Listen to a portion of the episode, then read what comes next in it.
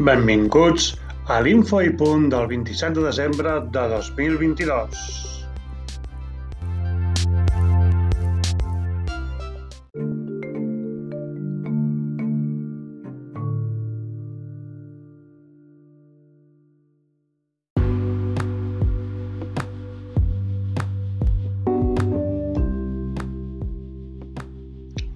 Després de seguir una estricta política de Covid-0 i davant les protestes que anaven increixendo a la societat xinesa, el govern de Xi Jinping ha canviat dràsticament de direcció i després del relaxament de les dures mesures anticovid que s'estaven aplicant fins fa unes setmanes, ha anunciat l'obertura de les fronteres xineses als viatgers que hi vinguin, que ja no estaran obligats a seguir la quarantena obligatòria a l'hora d'arribar al país a partir del 8 de gener.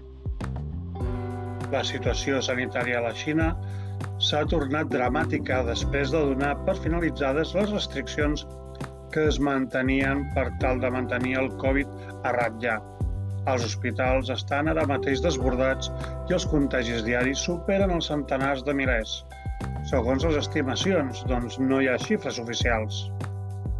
Davant l'obertura de fronteres, ja hi ha reaccions per tal d'evitar que la bomba sanitària xinesa no afecti a tercers països. El Japó ja ha anunciat que a partir del 30 de desembre caldrà un test negatiu per entrar al país al sol naixent per als viatgers que vinguin des de la Xina.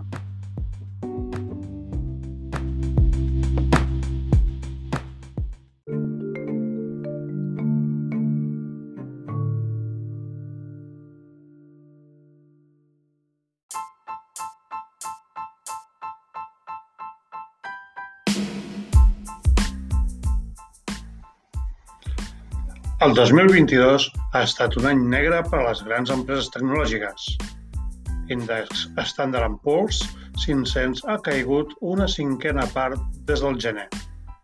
Per al Nasdaq les coses no han anat pas millor aquest any, perdent un terç del seu valor. Les cinc grans tecnològiques, Apple, Microsoft, Amazon, Alphabet i Meta, han perdut en conjunt 3 bilions de dòlars en el seu valor de mercat. El gran damnificat ha estat Meta. La companyia liderada per Zuckerberg es pot dir que tècnicament surt del grup que encapçala les empreses tecnològiques.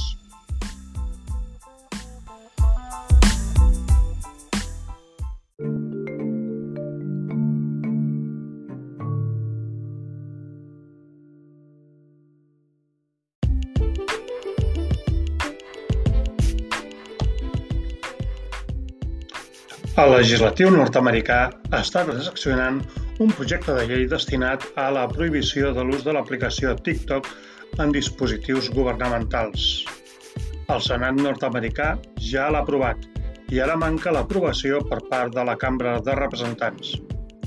Les sospites de que l'aplicació de matriu xinesa espia les dades dels seus usuaris van creixent i l'empresa matriu ByteDance s'ha vist obligada a publicar els resultats d'investigacions internes que no deixen pas tranquils els nord-americans. La prohibició de les xarxes socials que estiguin lligades amb la Xina i Rússia sembla que entrarà en el debat entre candidats a les presidencials dels Estats Units que s'han de celebrar l'any 2024.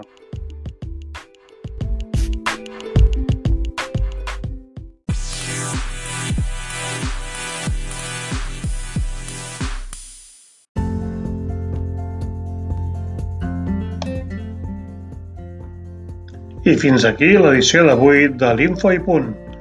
Us saluda Valentí Parrillà. Fins al proper podcast.